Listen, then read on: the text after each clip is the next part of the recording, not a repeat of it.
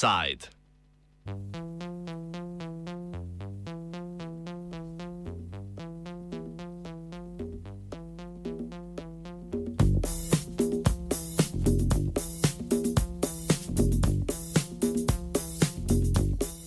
Je kva, plačni sistem je ali plačnega sistema ne?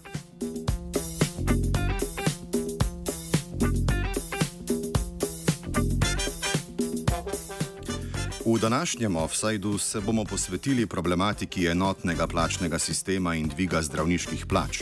Ustavno sodišče je v petek do končne odločitve zadržalo dvig plačnega stropa, ki ga lahko dosežejo zdravniki. Vlada je v zadnji protikoronski paket PKP-10 vključila sporen 48. člen, ki določa, da lahko zdravniki in zobozdravniki kljub določbam 7. člena zakona o sistemu plač v javnem sektorju dosežejo največ 63. plačni razred.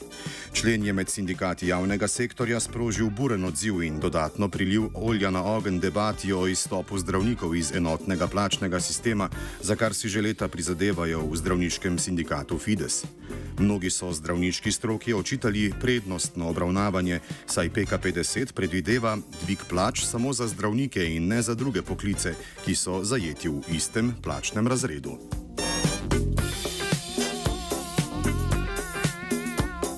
Na ustavno sodišče se je pred kratkim pritožilo pet predstavnikov sindikalnih central z Branimirjem Štrukljem, predsednikom Konfederacije sindikatov javnega sektorja Slovenije na čelu. Predstavniki so se v pritožbi sklicevali na to, da člen krši drugi odstavek 90. člena ustave, saj 48. člen svežnja ne predstavlja nujne intervencijske zakonodaje, s katero bi vlada poskusila omiliti širjenje COVID-19. Dodatno pa so povdarili, da bi bile posledice tega ukrepa vlade škodljive. Vendar pa to ni bil poglavitni namen predlagateljev, nam pojasni odvetnik Istok Ščernjavič, ki je v zadevi predstavljal predstavnike sindikatov.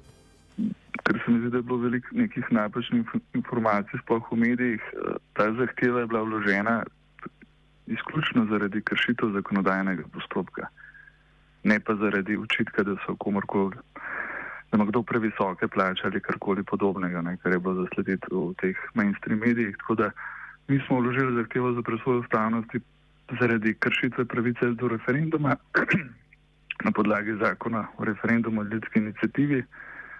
Vložili hkrati tudi predlog za začasno zadržanje in temu je pač ustavno sodišče sledilo, ker je prepoznalo, da bi v primeru uveljavitve PKP-10 lahko prišlo do škodljivih posledic ali pa so te škodljive posledice bistveno večje kot pa tisto, kar bi se zgodilo, če ne bi zadržalo. Ne.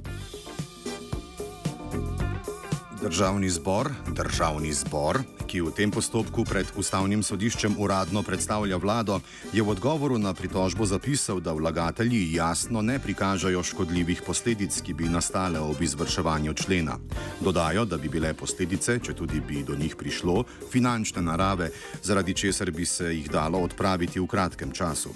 Vendar je po mnenju predsednika Konfederacije sindikatov Pergam Jakoba Počivavška problem drugje posledice tukaj niso, kot rečeno, samo finančne narave. Posledice tukaj so predvsem to, da gre za pač poseg v celoten sistem, kot je ustavno sodišče zapisalo tudi v svoji, pač v tem večinskem mnenju, ki je bilo sprejeto, je, uh, da pač uh, so posledice tega, da bi se to izvrža, izvrševalo, a ne uh, hujše, kot če bi, um, kot to, da je pač ta odločitev zadržana. Um, tako da tukaj kakšen dodaten komentar, po mojem mnenju, niti ni potreben. Vendar, če je bil cilj dvigovanje zdravniških plač, bi ga vlada lahko dosegla z dopolnitvijo obstoječega zakona o sistemu plač v javnem sektorju, meni Ščernjavič.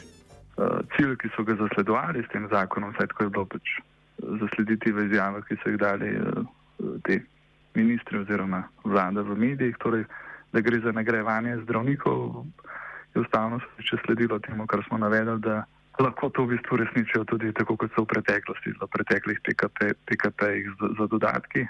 Če pa je bil slučajno cilj uh, uh, sprememba za SPS-ja, torej zakon o sistemu plač v javnem sektorju, pa tudi to lahko dejansko uresničijo z novelo tega zakona, vendar seveda je treba upoštevati postopek, ki ga ta zakon določa. Tako da nekih škodljivih posledic, ki bi na, nastale v primeru zdržanja, dejansko ni. Ne. Ustavno sodišče je s sedmimi glasovi za in dvema proti odločilo, da 48. člen zadrži, saj je ocenilo, da bi z izvrševanjem člena lahko prišlo do hujših, neodpravljivih posledic.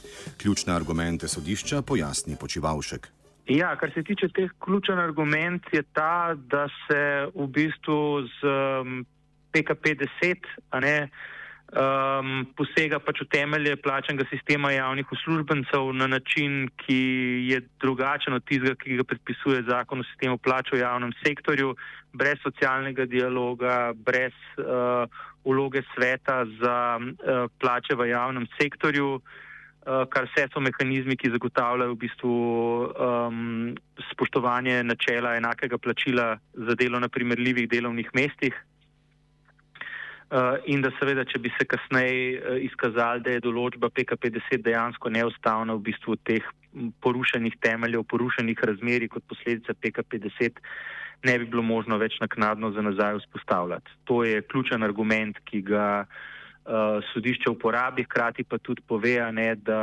uh, pač to zadržanje pomeni zgolj to, da tako kot za vse ostale javne uslužbence, uh, bo tudi do, do končne odločitve za zdravnike in zobozdravnike veljala ta omejitev 57. plačnega razreda, da pa lahko seveda uh, vlada, vkolikor bi menila, da je pač potrebno dodatno nagraditi uh, obremenjenost za razdravljanje bolnikov z COVID-19, lahko to tako kot doslej uh, stori pač preko dodatkov, ki so v ta namen predvideni tako v kolektivni pogodbi za javni sektor, kot tudi v dosedanjih interventnih zakonih.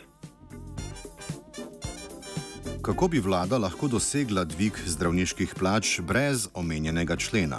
Ščrnjavič.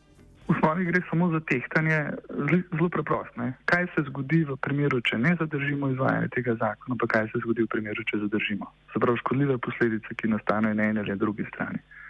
In na eni strani, to se pravi, če zadrži izvajanje zakona, ne, to, kar se je dejansko zdaj zgodilo ustavno sodišče, če slepo, se to smo mi tudi ne na zadnje, pač pojasnili, ni škodljivih posledic.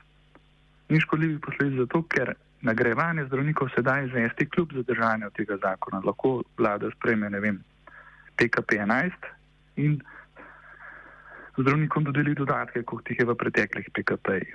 Vse te dodatke vsi poznamo. Če je šlo pa za začasno spremembo za SPS-ja, torej da je šlo v bistvu za spreminjanje sistemske zakonodaje z nekim začasnim pač, ukrepom, je pa to spet možno. Ne? Sprejme se pač novela za SPSJ, res da v tistem postopku, ki ga zakon predvideva in to je to. Odklonilni mnenji o odločbi sta podala sodnika Klemen Jaklič in Mark Šorli. Oba se v ločenem mnenju sklicujeta na to, da pritožniki v zadevi ne navedajo točnih posledic, ki bi jih prineslo izvajanje in da samo sklicevanje na domnevno protiustavnost ni podlaga za izpodbijanje zakonske ureditve. To poudarjanje varovanja zdravja in življenja ljudi, ne seveda, ker je neko glavno vodilo ločenega mnenja in tako sodnika Šorja in Jakliča, ja, seveda sta to pomembni vrednoti, ampak zdaj spet, če to raztegnemo od absurdom to argumentacijo, potem to dejansko pomeni, zdaj, če grem res v neko skrajno, ne? če to logiko speljemo do konca, veliko ljudi na letni ravni umre tudi v prometnih nesrečah. Ne? Vsi to vemo ne? in seveda v imenu varovanja življenja in zdravja teh ljudi, ne vem, kaj bomo prepovedali promet. kot če neč so še druge vrednote. Ne, tudi, eh, kot sem že prej nakazal, da javni sektor mora delovati, ne samo zdravstvo. No. Da, jaz mislim, da je pač pomembno, da se take stvari, eh, tako pomembne spremembe, doseže v socialnem dialogu, ne pa z nekimi enostranskimi ad hoc potezami, verjetno gre za nabiranje nekih političnih točk pred volitvami. Ampak to se ne spuščam. No. Na odločbo sodišča pa so se odzvali tudi v sindikatu Fides, ki pa ni bil naklonjen pirovi zmagi predlagateljev. V izjavi za javnost so zapisali, da so s to odločitvijo reprezentativni sindikati izgubili edini argument, s katerim so utemeljevali zahtevo za splošen dvig plač zaposlenih v javnem sektorju. Glede odločitve ustavnega sodišča so se oglasili tudi pri Združenju mladih zdravnikov Slovenije. V izjavi za javnost so zapisali, da jih odločitev sodišča ne preseneča. Zapisali so tudi, da zdravstveni minister Janez Poklukar zdravstveno krizo rešuje brez zdravnikov. Poudarili so stigmatiziranje v medijih, ki so zdravnike in stroko prikazali kot pohlepne in samovšečne. Opozorili so na slab enoten plačni sistem, ki nujno potrebuje reformo. Podobno kot kolegi v Fidesu pa pozivajo k umiku zdravniške stroke iz enotnega plačnega sistema.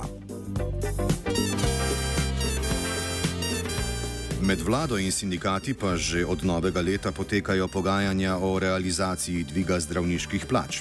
Kaj se je vlada z zdravniškim sindikatom dogovorila, za zdaj vsaj uradno, še ni znano. Glede na komentarje nekaterih članov vlade je v igri izstop iz enotnega plačnega sistema. Podpredsednik vlade in predsednik stranke NSI Matej Tonin je v oddaji politično izrazil mnenje, da se mora plačni sistem razkosati na pet sistemov. Izjave ministra komentira Počivalšek.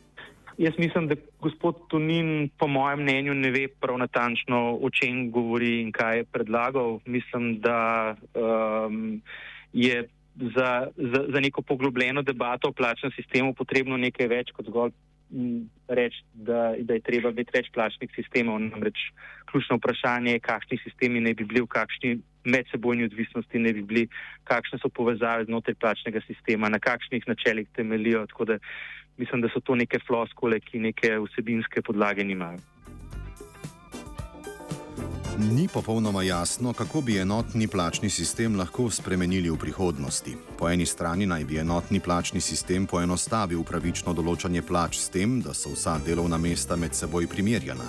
Vendar so mnogi mnenja, da je ta vlak zaradi številnih dodatkov že odpeljal in rešitve iščejo v popolni spremembi strukture. Tudi mladi zdravniki povdarjajo, da delo javnega sektorja ni primerljivo z zdravniškim delom. Naša sogovorca menita, da je rešitev plačne problematike v socialnem dialogu med vlado in sindikati. Trenutna epidemiološka situacija je močno okrnila sposobnosti javnega zdravstva, ki je že leta kadrovsko podhranjeno. Zato so mnogi zdravniki prisiljeni delati v delovnih razmerah, nekateri med njimi glavarino pacijentov presegajo za kar dvakrat toliko, kot naj bi bilo predpisano. Čeprav je arhitekt trenutnega plačnega sistema ravno trenutni premije, ga ta še z največjim veseljem poskuša razrušiti in uveljaviti popolno privatizacijo. Spodobi se, da lahko plačni sistem poruši le njegov stvaritelj. Po operativnih sobah je stikal vajenec Beno, spremljal je premrl.